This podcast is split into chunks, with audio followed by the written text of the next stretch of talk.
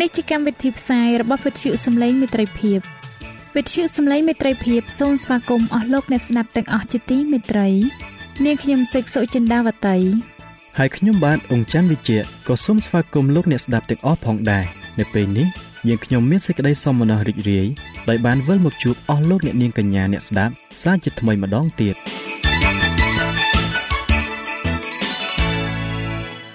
នាងខ្ញុំសេកសុចិន្តាវតី សូមជម្រាបជូនកម្មវិធីផ្សាយដែលមានជាបន្តបន្ទាប់ដូចតទៅនេតិជួបជាមួយព្រះបន្ទូលនេតិជំហានទៅកាន់ព្រះគ្រីស្ទចា៎លោកអ្នកស្ដាប់ជាទីមេត្រី នាងខ្ញុំសូមគោរពអញ្ជើញអស់លោកលោកស្រី អ្នកនាងកញ្ញាតាមដានស្ដាប់កម្មវិធីផ្សាយរបស់វិទ្យុយើងខ្ញុំដូចតទៅ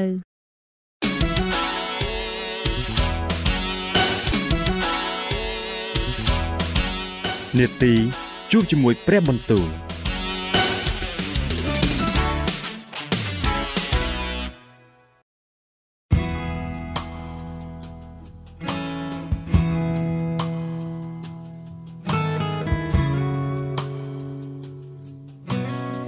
ចាអស់លោកអ្នកស្ដាប់ជាទីមេត្រី ជាដំបូងនាងខ្ញុំសូមអញ្ជើញលោកអ្នកនាងស្ដាប់នេតិជួបជាមួយព្រះបន្ទូល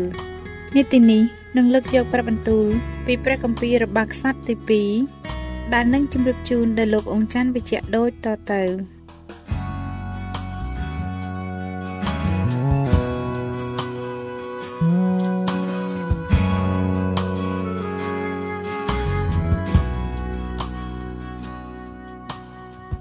ព្រះគម្ពីររបស់ខ្សត្រទី2ចំពុកទី13 នៅឆ្នាំទី18ក្នុងរាជស្ដេចរេហូបោមនោះអាបេយ៉ាចាប់តាំងសោយរាជឡើងលើស្រុកយូដាទ្រង់ក៏សោយរាជ3ឆ្នាំនៅក្រុងយេរូសាឡឹមព្រះមេដាទ្រង់ព្រះនាមជាមីកាយ៉ាជាបុត្រីអូរៀលអ្នកក្រុងគីបៀអាបេយ៉ានិងយេរ៉េបោមក៏ច្បាំងគ្នាដែរហើយអាបេយ៉ាទ្រង់ចាប់តាំងតចម្បាំងមានពលទ័ពសុទ្ធតែមនុស្សថ្នឹកចម្បាំងហើយជ្រើសរើសមានចិត្តក្លាហានចំនួន4សែននាក់ហើយយេរ៉ូបោម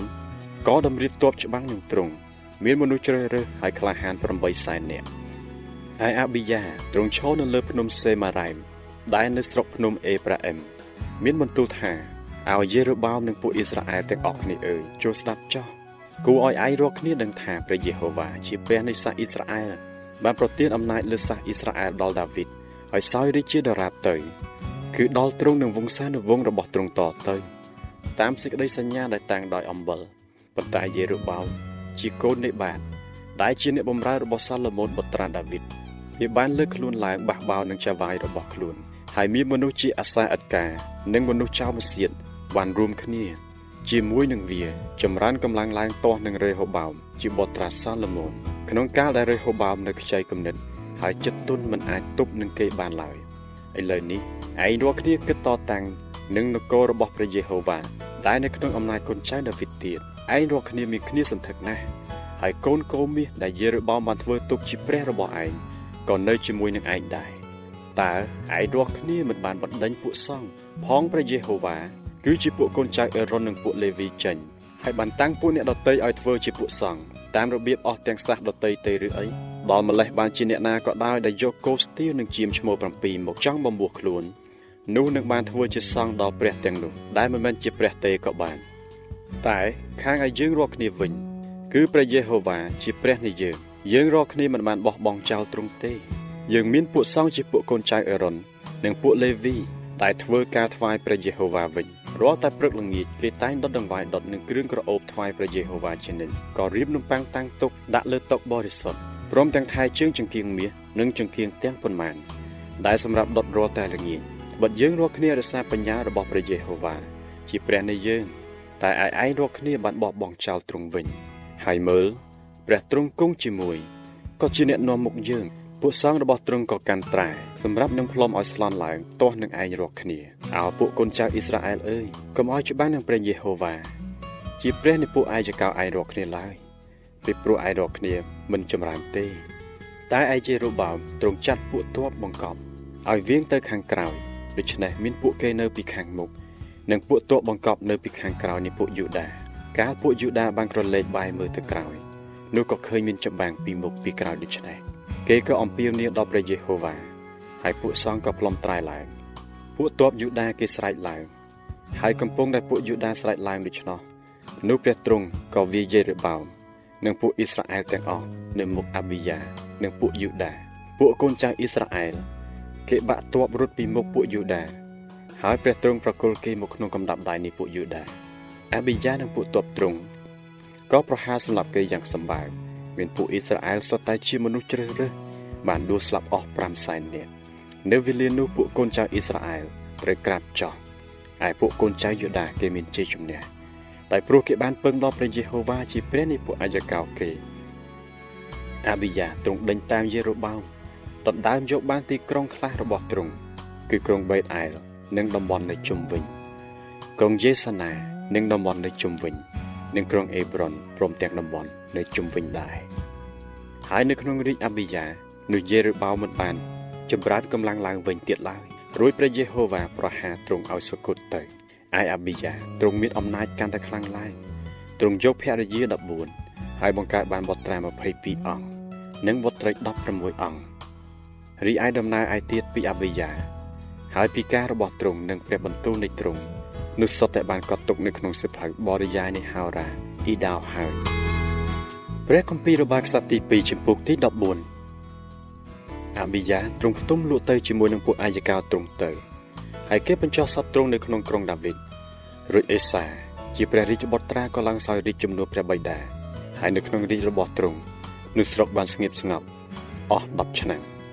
ឯអេសាទ្រង់ប្រព្រឹត្តសេចក្តីដែលល្អហើយត្រឹមត្រូវនៅព្រះនេតព្រះយេហូវ៉ាជាព្រះនៃទ្រង់ធ្វើទ្រង់បំបត្តិអស់ទាំងអាសនាដតីនិងទីខ្ពស់ទាំងប៉ុន្មានឲ្យសូន្យចេញក៏បំបាក់បំបាយបង្គោលថ្មដែលសម្រាប់គោរពហើយកាន់រំលំរូបព្រះបងទ្រង់ក៏បង្គាប់ដល់ពួកយូដាឲ្យគេស្វែងរកព្រះយេហូវ៉ាជាព្រះនៃពួកអាយកោគេហើយឲ្យប្រព្រឹត្តតាមក្រឹតវិន័យនិងបញ្ញត្តិទាំងប៉ុន្មានដែរទ្រង់បំបត្តិទីខ្ពស់ទាំងប៉ុន្មាន និងរូបព្រះអាទិត្យពីអស់ទាំងទីក្រុងស្រុកយូដាចេញនោះនគរបានស្ងៀមស្ងាត់នៅចំពោះទ្រង់គ្រានោះទ្រង់សង់ទីក្រុងមានបន្ទាយនៅក្នុងស្រុកយូដាត្បិតស្រុកបានស្ងៀមស្ងាត់ហើយមានចម្បាំងក្នុងប៉ុន្មានឆ្នាំនោះពីព្រោះព្រះយេហូវ៉ាបានប្រោះប្រទានឲ្យទ្រង់មានសេចក្តីស្រាក់ស្រានដូច្នេះទ្រង់មានបន្ទូលនឹងពួកយូដាថា ចូលយើងសង់ទីក្រុងទាំងនេះឡើង ហើយធ្វើកំផែងព័ទ្ធជុំវិញព្រមទាំងប៉មទ្វារនិងរនុកផងក្នុងពេលដែលគ្មានអ្វីខាត់ខាំងនៅមុខយើងក្នុងស្រុកឡើយត្បិតយើងរាល់គ្នាបានស្វែងរកព្រះយេហូវ៉ាជាព្រះនៃយើងអើយើងរាល់គ្នាបានស្វែងរកទ្រង់ហើយទ្រង់បានប្រទានឲ្យយើងមានសេចក្តីស្រាក់ស្រាននៅព័ទ្ធជុំវិញដូច្នេះគេក៏សង់ឡើងហើយបានចម្រើនផងអេសាទ្រង់មានពួកពលទ័ពដែលកាន់ខែលនិងលំពេច3សែននាក់ជាពួកយូដាហើយ2សែន80000នាក់ ជាពួកបេនយ៉ាមីនដែលកាន់ខែលហើយបាញ់ធ្នូសុទ្ធតែជាមនុស្សមានចិត្តក្លាហាននៅគ្រានោះសេរ៉ាជាសាសអេធីអូពីទ្រង់បានទ័ព1លាននាក់និងរទេះចម្បាំង300ចេញមកទាស់នឹងពួកយូដាក៏មកដល់ក្រុងម៉ាឌីសាដូច្នេះអេសាទ្រង់ចេញទៅតទល់នឹងគេក៏តម្រៀបគ្នាដើម្បីច្បាំងក្នុងច្រកភ្នំសេផាថាត្រង់ក្រុងម៉ាឌីសាឯអេសាទ្រង់អំពាវនាវដល់ព្រះយេហូវ៉ាជាព្រះនៃទ្រង់ថាអោព្រះយេហូវ៉ាអើយ ការជួយឲ្យមានជ័យជំនះដល់ពួកមានគ្នាច្រើនឬដល់ពួកកំសោយនោះស្រេចនៅលើទ្រង់ទេអោព្រះយេហូវ៉ាជាព្រះនៃយើងរាល់គ្នាអើយសូមជួយយើងខ្ញុំផងត្បិតយើងខ្ញុំផ្អែកលើទ្រង់ជាទីពឹងគឺដោយនៅតែព្រះនាមទ្រង់ប៉ុណ្ណោះដែលយើងរាល់គ្នាបានមកតើនឹងពួកមានគ្នាច្រើនទាំងនេះអោព្រះយេហូវ៉ាអើយទ្រង់ជាព្រះនៃយើងរាល់គ្នាសូមកុំឲ្យមនុស្សឈ្នះទ្រង់ឡើយដូច្នេះព្រះយេហូវ៉ាទ្រង់ក៏វាពួកអេធីអូពី នៅចំពោះអេសា និងយូដាឲ្យគេបាក់ទ័ពរត់ទៅរួចអេសានិងពួកពលដែលនៅជាមួយក៏ដេញតាមទៅ រហូតដល់ក្រុងកេរ៉ាហើយពួកអេធីអូពីគេដួលស្លាប់ជាច្រើននាក់ដល់ម្លេះបានជាគេងើបឡើងឲ្យមានកម្លាំងទៀតមិនបានពីព្រោះគេត្រូវបាក់បែកនៅចំពោះព្រះយេហូវ៉ាហើយចំពោះពួកពលទ័ពរបស់ទ្រង់ពួកខាងអេសាក៏ចាប់យកបានរបបយ៉ាងសន្ធឹកហើយវាអស់ទាំងទីក្រុងនៅជុំវិញក្រុងកេរ៉ាដែរ ពីព្រោះសេចក្តីស្ញាញ់ខ្លាចរបស់ព្រះយេហូវ៉ាបានគ្រប់សង្កត់លើពួកក្រុងទាំងនោះពួកយូដាក៏ប្លន់ទីក្រុងទាំងនោះយកបានរបស់យ៉ាងសន្ធឹកហើយវាទាំងរោងសัตว์នាំយកបានជាមជាបរិបូរព្រមទាំងអូតផងរួចត្រឡប់ទៅឯក្រុងយេរូសាឡឹមវិញព្រះគម្ពីររបស់ខ្សត្រទី2ចំពុកទី15គ្រានោះព្រះវិញ្ញាណនៃព្រះក៏មកសន្ធិដ្ឋលើអាសារៀជាកូនអូដេតហើយលោកចេញទៅទទួលអេសាទូលថា បបិទ្ធប្រកាសណាអេសាព្រមទាំងពួកយូដានិងពួកបេនយ៉ាមីនទាំងអស់គ្នាអើយសូមស្ដាប់ចុះកំពុងតែអ្នករាល់គ្នានៅជាមួយនឹងព្រះយេហូវ៉ានោះទ្រង់ក៏គង់ជាមួយនឹងអ្នករាល់គ្នាដែរបើអ្នករាល់គ្នាស្វែងរកទ្រង់នោះនឹងរកឃើញពិតតែបើអ្នករាល់គ្នាបោះបង់ចោលទ្រង់វិញទ្រង់ក៏នឹងបោះបង់ចោលអ្នករាល់គ្នាដែររីឯនៅគ្រានោះពួកអ៊ីស្រាអែលឥតមានព្រះដ៏ពិតទេក៏គ្មានពួកសង្ឃដែលបង្ហាត់បង្រៀនហើយគ្មានក្រឹតវិន័យដែរនៅអស់កាលជាយូរមកហើយ តែកាលកើតមានសេចក្តីវេទនានោះហើយគេបានវិលមកឯព្រះយេហូវ៉ាជាព្រះនៃសាសអ៊ីស្រាអែលវិញព្រមទាំងស្វែងរកទ្រង់ផងនោះក៏រកទ្រង់ឃើញនៅអស់ទាំងគ្រានោះគ្មានសេចក្តីសុខដល់ណាដែលចេញចូលទៅឯណាឡើយគឺមានសុទ្ធតែសេចក្តីប្រទុះសរាយជាខ្លាំងដល់អស់អ្នកនៅក្នុងស្រុកទាំងនោះវិញតែត្រូវបាក់បាយខ្ទេចខ្ទីទៅ គឺនគរមួយទាស់នឹងនគរមួយហើយទីក្រុងមួយទាស់នឹងទីក្រុងមួយទៀតពីព្រោះព្រះទ្រង់ធ្វើឲ្យមានសេចក្តីប្រទុះសរាយដល់គេ ដោយនៅសេចក្តីទំនាស់គ្រប់យ៉ាងតែឯអ្នករកគ្នាចូលខំប្រឹងឡើងកុំឲ្យដៃថយកម្លាំងឡើយពីព្រោះកាលដែលអ្នករកគ្នាធ្វើ នោះនឹងបានរង្វាន់លុះកាលអេសា បានលើពាក្យទាំងនោះ គឺជាសេចក្តីទំនាយរបស់ហោរ៉ាអូដេតហើយនោះទ្រង់មានព្រះតីក្លាហានឡើងក៏បំបត្តិអស់ទាំងរបស់គូសពខ្ពើមពីក្នុងស្រុកយូដានិងស្រុកបេនយ៉ាមីនទាំងអស់ចេញហើយពីអស់ទាំងទីក្រុងដែលទ្រង់ចាប់យកបាន នៅស្រុកភ្នំអេប្រាអឹម ទ្រង់ក៏រៀបអាសនៈនៃព្រះយេហូវ៉ាដែលនៅមុខបាំងសាចព្រះវិហារនៃព្រះយេហូវ៉ាឡើងជាថ្មីវិញរួចទ្រង់ប្រមូលពួកយូដានិងពួកបេនយ៉ាមីនព្រមទាំងពួកអេប្រាអឹមម៉ាណាសេនិងស៊ីមៀនដែលនៅជាមួយទាំងប៉ុន្មានឲ្យមូលគ្នាត្បិតមានពួកអ៊ីស្រាអែលជាច្រើនបានបាក់ចូលមកខាងទ្រង់ដោយឃើញថាព្រះយេហូវ៉ាជាព្រះនៃទ្រង់គង់នៅជាមួយនឹងទ្រង់ពិតដូច្នេះគេក៏មូលគ្នាមកឯក្រុងយេរូសាឡឹមនៅខែចេះឆ្នាំទី15ក្នុងរាជអេសា ហើយនៅថ្ងៃនោះឯងគេថ្វាយយ៉ាញ់បូជាដល់ព្រះយេហូវ៉ាពីរបបដែលបាននាំយកមក គឺគោ700និងជៀម7000គេក៏ព្រមព្រៀងគ្នានិងតាំងសេចក្តីសញ្ញាឲ្យបានខំប្រឹងស្វែងរកតាមព្រះយេហូវ៉ាជាព្រះនៃពួកអាយកោគេអស់ពីចិត្តអស់ពីព្រលឹងហើយថា អ្នកណា ដែលមិនព្រមស្វែងរកព្រះយេហូវ៉ាជាព្រះនៃសាសអ៊ីស្រាអែលនោះនឹងត្រូវសម្លាប់បងទោះតូចឬធំ ប្រុសឬស្រីក្តី គេក៏ស្បត់ដល់ព្រះយេហូវ៉ាដោយសំឡេងដ៏ខ្លាំងហើយដោយស្រែកហូព្រមទាំងផ្លុំត្រែនិងស្នែងផងពួកយូដាទាំងអស់គ្នាមានសេចក្តីអំណរដោយសេចក្តីសម្បត្តិនោះ ពីព្រោះគេបានស្បត់ដោយចិត្តស្មោះហើយស្វែងរកព្រះយេហូវ៉ាដោយពេញបំណងចិត្តក៏រកទ្រង់ឃើញផងព្រះយេហូវ៉ាទ្រង់ប្រទានឲ្យគេបានសេចក្តីស្រាក់ស្រាននៅព័ទ្ធជុំវិញឯនាងម៉ាអាកា ជាព្រះមេដាស្ដេចអេសាទ្រង់ក៏ដកពីតំណែងជាមេដាលួងចេញ ដោយព្រោះព្រះនាងបានធ្វើរូបគួរស្អប់ខ្ពើមទុកជាព្រះអេសាទ្រង់ក៏កាប់រំលំរូបនោះកិនកំតិចជាផង់យកទៅដុតចោលនៅត្រង់ជ្រោះកេដ្រុនតែឯទីខ្ពស់ទាំងប៉ុន្មាននោះមិនបានបំបាក់ចេញពីស្រុកអ៊ីស្រាអែលទេប៉ុន្តែអេសាទ្រង់មានប្រតិយស្មោះត្រង់អស់មួយប្រជជនទ្រង់ទ្រង់ក៏នាំយកអស់ទាំងរបស់ដែលព្រះបិតាទ្រង់បានថ្វាយនិងរបស់ដែលអង្គទ្រង់បានថ្វាយផងមកដំកល់ទុកក្នុងព្រះវិហារនៃព្រះ គឺប្រាក់មាសនិងគ្រឿងប្រដាប់ផ្សេងផ្សេងតពីនោះមកគ្មានចម្បាំងទៀតឡើយដរាបដល់ឆ្នាំទី35ក្នុងរាជអេសា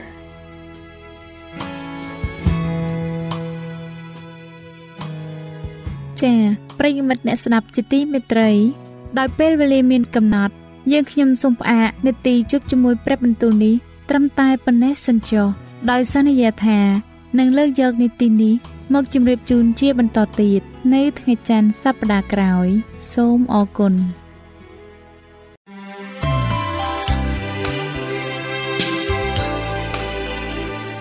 វិទ្យុសំឡេងមេត្រីភាព AWR នាំមកជូនលោកអ្នកនៅសារនៃសេចក្តីសង្ឃឹមសម្រាប់ជីវិត។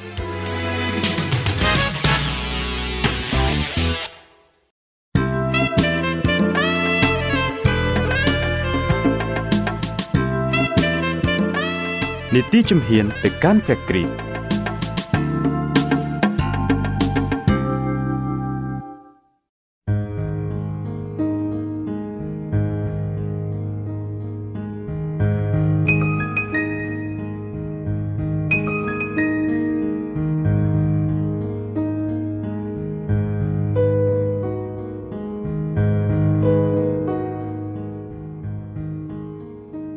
សេចសុចិនាវតីសូមជម្រាបសួរអស់លោកលោកស្រីនាងកញ្ញានិងប្រិយមិត្តអ្នកស្ដាប់ជាទីមេត្រីតើលោកអ្នកសុខទុក្ខយ៉ាងណាដែរនៅពេលនេះសម្រាប់នាងខ្ញុំវិញ មានសេចក្តីរំភើបរីករាយដែលនាងខ្ញុំមានកិត្តិយសដែលបានវិលមកជួបលោកអ្នកសាជាថ្មីម្ដងទៀតនៅក្នុងកម្មវិធីជំហានទៅកាន់ព្រះគ្រីស្ទហើយនៅពេលនេះនាងខ្ញុំសូមលើកយកវគ្គបន្តនៃប្រធានបទមុនដែលមានចំណងជើងថាសិទ្ធិនៃសេចក្តីអធិដ្ឋានមកជម្រាបជូនជាបន្ត ដូច្នេះសូមអញ្ជើញលោកអ្នកចូលរួមសន្តាប់ដូចតទៅអស់លោកអ្នកជាទីមេត្រីប្រសិនបើយើងស្គាល់អំពើទុច្ចរិតដែលស្ថិតនៅក្នុងចិត្តរបស់យើងប្រសិនបើយើងប្រកាន់ខ្ជាប់ទៅនឹងអំពើបាបដែលយើងស្គាល់នោះព្រះជាម្ចាស់ពិតជាពុំទទួលយកសេចក្តីអធិដ្ឋានរបស់យើងឡើយក៏ប៉ុន្តែការអធិដ្ឋានរបស់អ្នកដែលមានវិបដិសារី គឺប្រលឹងដែលស្គាល់កំហុសនោះព្រះជាម្ចាស់តែងទទួលយក ហើយនឹងឆ្លើយតបជានិច្ច នៅពេលដែលអំពើខុសឆ្គងទាំងប៉ុន្មានបានកែត្រឹមត្រូវឡើងវិញនោះយើងត្រូវតែជឿជាក់ថាព្រះជាម្ចាស់នឹងឆ្លើយតបទៅនឹងការទូលសុំរបស់យើងគុណសម្បត្តិនិងអំពើល្អរបស់យើងនឹងបណ្ដាលឲ្យយើងទទួលបានការអនុគ្រោះអំពីព្រះជាម្ចាស់ឡើយគឺមានតែគុណសម្បត្តិនៃព្រះយេហូវ៉ាប៉ុណ្ណោះដែលនឹងជួយសង្គ្រោះយើងបានព្រះលោហិតរបស់ទ្រង់នឹងលាងជម្រះយើងឲ្យស្អាតពីអំពើបាបប៉ុន្តែ យើងមានការមួយ គឺយើងត្រូវតែធ្វើតាមព្រះハរតីរបស់ព្រះជាម្ចាស់ដែលជាលក្ខខណ្ឌនៃការយល់ព្រមទទួលអំពីព្រះជាម្ចាស់អស់លោកអ្នកជាទីមេត្រី មានកត្តាមួយទៀតដែលមានប្រសិទ្ធភាពបំផុត នៅក្នុងការអធិដ្ឋាន នោះគឺសេចក្តីជំនឿលើព្រះជាម្ចាស់អ្នកណាដែលមកឲ្យព្រះជាម្ចាស់ត្រូវតែជឿថាទ្រង់គឺជាព្រះដ៏ពិត ហើយជឿជាក់ថា ទ្រង់គឺជាម្ចាស់អំណោយចំពោះអ្នកណាដែលស្វះស្វែងរកទ្រង់ដោយអស់ពីចិត្តនេះជាសេចក្តីដែលចែងទុកនៅក្នុងព្រះគម្ពីរហេព្រើរជំពូក11ខ6ព្រះយេស៊ូវមានប្រាប់បន្ទូលទៅកាន់សាវករបស់ទ្រង់នៅក្នុងព្រះគម្ពីរម៉ាកុសជំពូក11ខ24ថាវត្ថុអ្វីដែលអ្នកត្រូវការ នៅពេលដែលអ្នកអធិដ្ឋាន ចូលជឿជាក់ថា អ្នកនឹងទទួលវត្ថុនោះហើយអ្នកនឹងបានទទួលជាប្រកាសមែនអស់លោកអ្នកជាទីមេត្រីព្រះជាម្ចាស់ ទ្រង់ស្មោះត្រង់នឹងសេចក្តីសន្យារបស់ទ្រង់ណាស់នៅពេលដែលយើងពុំទទួលវត្ថុដែលយើងសូម នៅពេលដែលយើងអធិដ្ឋានសូមនោះយើងនៅតែជឿជាក់ថាព្រះជាម្ចាស់បានលឺហើយទ្រង់នឹងឆ្លើយតបចំពោះការអធិដ្ឋានរបស់យើងដោយសារតែយើងរមែងគិតតែមានការខុសឆ្គងហើយមើលមិនឃើញវែងឆ្ងាយនោះទៅមានពេលខ្លះយើងទូលសូមវត្ថុដែលពុំមែនជាប្រពរសម្រាប់យើង តែប្រពរវេដានៃស្ថានសួគ៌ដែលប្រកបដោយចិត្តស្រឡាញ់ទ្រង់នឹងឆ្លើយតបការអធិដ្ឋានរបស់យើង ដោយប្រទានឲ្យយើង នៅវត្ថុអ្វីដែលល្អបំផុតសម្រាប់យើង អ្វីអ្វីដែលយើង ប្រាថ្នាចង់បាន ប្រសិនបើមាន ការបំភ្លឺពីព្រះជាម្ចាស់នោះ យើងនឹងអាចមើលឃើញលក្ខណៈដ៏ពិតប្រាកដនៃវត្ថុទាំងអស់នោះនៅពេលដែលការអធិដ្ឋានរបស់យើងហាក់បីដូចជាគ្មានចម្លើយឆ្លើយតប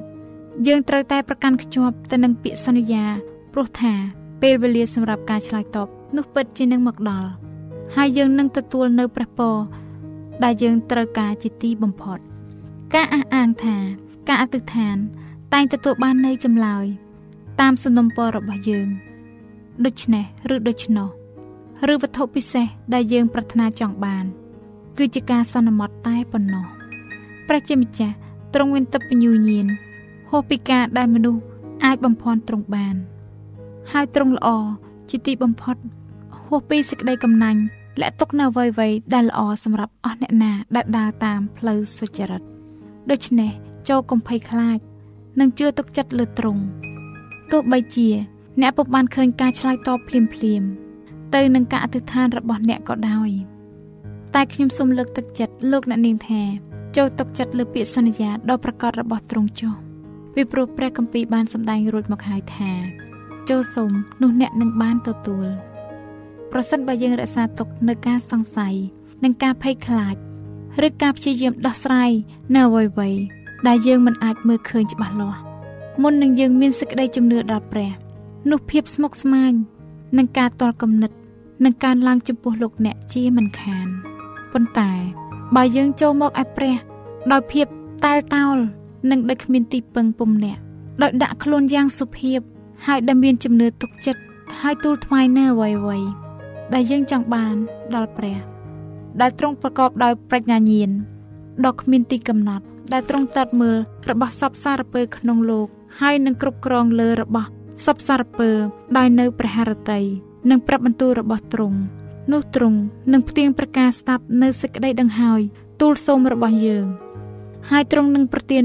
ពន្លឺបំភ្លឺទៅក្នុងចិត្តរបស់យើង ការអធិដ្ឋានដ៏ស្មោះត្រង់បាននាំយើងចូលមកភ្ជាប់នឹងប្រហារតីនៃព្រះជាម្ចាស់ទោះបីយើងមិនមានភ័ស្តុតាងកត់សម្គាល់ក៏ព្រះទ្រង់តែងតែអោនប្រភ័ក្រទ្រង់មកមើលយើង ដោយប្រតិមេត្តានិងស្រឡាញ់ដែរយើងប្រហែលជាមិនបានទ្រង់ពលដោយផ្ទាល់មែនតែប្រហ័សរបស់ទ្រង់ស្ថិតនៅលើយើង ដោយក្តីស្រឡាញ់និងភាពស្រទន់សេចក្តីមេត្តាករុណា និងការអាណិតអាសូរដ៏ជ្រាលជ្រៅជាទីបំផុតអស់លោកអ្នកជាទីមេត្រី នៅពេលដែលយើងមកសុំសេចក្តីមេត្តាករុណា និងប្រពើពីព្រះជាម្ចាស់នោះយើងត្រូវតែមានវិញ្ញាណនៃក្តីស្រឡាញ់និងការអត់ឱនទោសនៅក្នុងចិត្តរបស់យើង យើងត្រូវតែអធិដ្ឋានដោយដែលបានចែងនៅក្នុងព្រះគម្ពីរម៉ាថាយជំពូក6ខ12ថា សូមអត់ទោសសេចក្តីកំហុសរបស់យើងខ្ញុំដូចជាយើងខ្ញុំបានអត់ទោសដល់អ្នកណាដែលបានធ្វើខុសនឹងយើងខ្ញុំដែរអស់លោកអ្នកជាទីមេត្រីប្រសិនបើយើងសង្ឃឹមថាព្រះនឹងលើការអធិដ្ឋានរបស់យើងនោះយើងត្រូវតែអត់ឱនទោសឲ្យអ្នកដតីក្នុងសន្តាននិងទំហំដែលយើងសង្ឃឹមថាព្រះជាម្ចាស់នឹងអត់ឱនទោសឲ្យដល់យើងដូច្នោះដែរការព្យាយាមក្នុងការអធិដ្ឋាន គឺជាលក្ខខណ្ឌមួយ ដើម្បីបានទទួលនៅចម្លើយឆ្លើយតប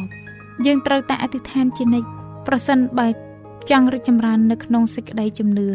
និងការអនុវត្តនៅក្នុងព្រះគម្ពីររ៉ូមជំពូក12ខ12បានសម្ដែងថា យើងត្រូវតែកាន់ខ្ជាប់ខ្ជួននៅការអធិដ្ឋានរីឯគម្ពីរកូឡូសជំពូក4ខ2វិញបានចែងថាព្យាយាមក្នុងសេចក្តីអធិដ្ឋានទាំងចាំយាមក្នុងសេចក្តីនេះឯងដោយពីអរព្រះគុណ អស់លោកអ្នកជាទីមេត្រីសាវកពេត្រុស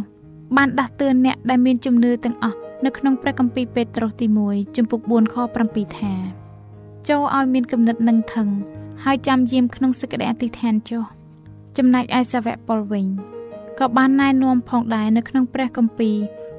ភីលីបជំពូក4ខ6ថានៅក្នុងគ្រប់កិច្ចការទាំងអស់ដោយសេចក្តីអធិដ្ឋាន និងអង្វរក ទាំងដោយពាក្យអរព្រគុណដល់ព្រះ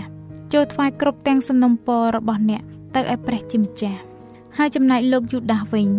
បាននិយាយនៅក្នុងព្រះគម្ពីរយូដាសខ20ដល់ខ21ថាក៏ប៉ុន្តែអ្នករាល់គ្នាជាស្ងួនភ្ងាអើយចូលអធិដ្ឋានដោយនៅព្រះវិញ្ញាណបរិសុទ្ធចូលថែរក្សាខ្លួនរបស់អ្នកនៅក្នុងសេចក្តីស្រឡាញ់របស់ព្រះជាម្ចាស់អស់លោកអ្នកស្ដាប់វិទ្យុសំឡេងមេត្រីភាពជាទីមេត្រី ការអធិដ្ឋានឥតឈប់ឈរគឺជាសម្ព័ន្ធភាពដ៏ជិតស្និទ្ធមួយនៃមនុស្សលោកនិងព្រះជាម្ចាស់ដើម្បីឲ្យជីវិតព្រះ បានហូរចូលមកក្នុងជីវិតយើងរាល់គ្នាហើយចេញពីជីវិតរបស់យើងមកវិញនោះជាភាពល្អស្អាតស្អំបរិសុទ្ធឥតខ្ចោះហើយហូរត្រឡប់ទៅព្រះជាម្ចាស់វិញ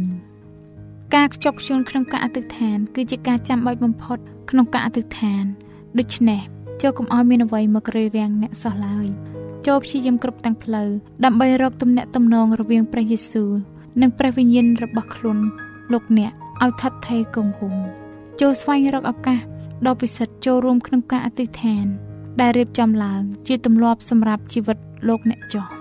អ្នកណាដែលស្វាស្វែងរកការរួមសម្ព័ន្ធចិត្តស្និទ្ធនឹងព្រះនោះពិតជាមានវត្តមាននៅក្នុងការប្រជុំ អធិដ្ឋាន និងបំពេញកាតព្វកិច្ចរបស់គេ ដោយស្វាមីភក្តិនិងយកចិត្តទុកដាក់ព្រមទាំងមានចិត្តពុះពៀចាំងឃើញលទ្ធផលចម្រើនពីការងារដែលគេបានធ្វើថែមទៀតផង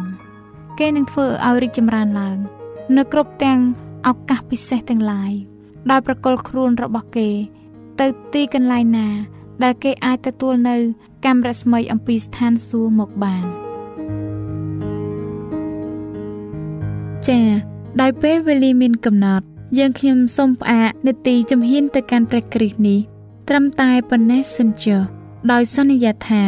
នឹងលើកយកនេតិនេះមកជម្រាបជូនជាបន្តទៀតនៅថ្ងៃស្អែកសូមអរគុណ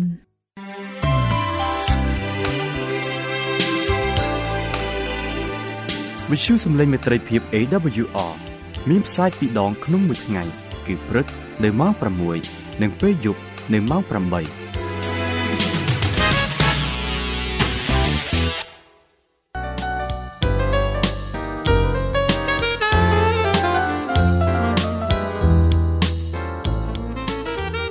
សេចក្តីសប្បុរសជាភាសាមួយដែលមនុស្សខ្វះអាចមើលឃើញមនុស្សថ្លង់អាចស្ដាប់ឮត្បិតការមិនបានធ្វើអំពើល្អក្នុងពេលដែលអ្នកមានឱកាសនោះរាប់ថាអ្នកបានធ្វើអំពើអាក្រក់ហើយព្រះបានមានបន្ទូលថា កុំឲ្យយើងណាយចិត្តនឹងធ្វើការល្អឡើយត្បិតបើមិនរសាយចិត្តទេនោះដល់កំណត់យើងនឹងច្រូតបានហើយ ការធ្វើអំពើសប្បុរសដ៏តូចណាមួយដល់អ្នកដទៃវាអាចមានការផ្លាស់ប្ដូរយ៉ាងធំនៅក្នុងជីវិតនរណាម្នាក់បាន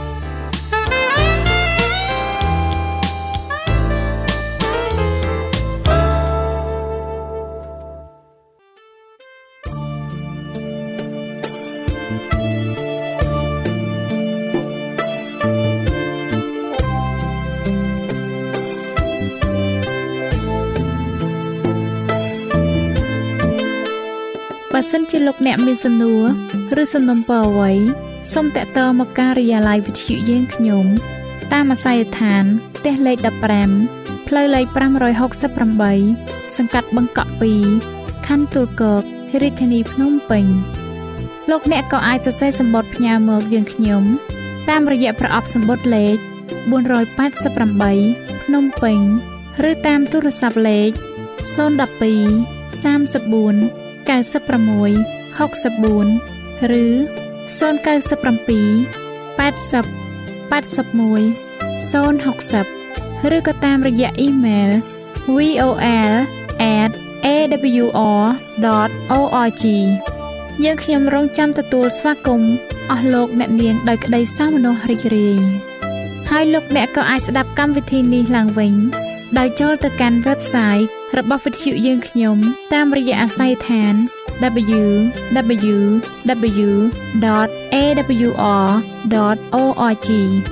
លោកអ្នកនាងកញ្ញាជាទីមេត្រី កម្មវិធីផ្សាយរបស់វិទ្យុសំឡេងមេត្រីភាពនៅពេលនេះសូមបញ្ចប់តែប៉ុណ្ណេះយើងខ្ញុំសូមអរគុណចំពោះការតាមដានស្ដាប់របស់អស់លោកអ្នកតាំងពីដើមរហូតដល់ចប់យើងខ្ញុំសូមជូនពរឲ្យអស់លោកអ្នកនាងកញ្ញាទាំងអស់ បានចម្រើនឡើងក្នុងព្រះគុណព្រះអង្គម្ចាស់ហើយក្នុងការទទួលយកព្រះយេស៊ូវគ្រីស្ទជាព្រះអង្គម្ចាស់និងជាព្រះអង្គសង្គ្រោះនៃយើងរាល់គ្នានាទីផ្សាយរបស់វិទ្យុយើងខ្ញុំនឹងវិលមកជួបអស់លោកអ្នកសាជាថ្មីម្ដងទៀតនៅថ្ងៃស្អែកវេលាម៉ោងដដែលនាងខ្ញុំសេកសុចិន្តាវតីនិងខ្ញុំបាទអ៊ំច័ន្ទវិជ្ជៈសូមអរគុណសូមជម្រាបលា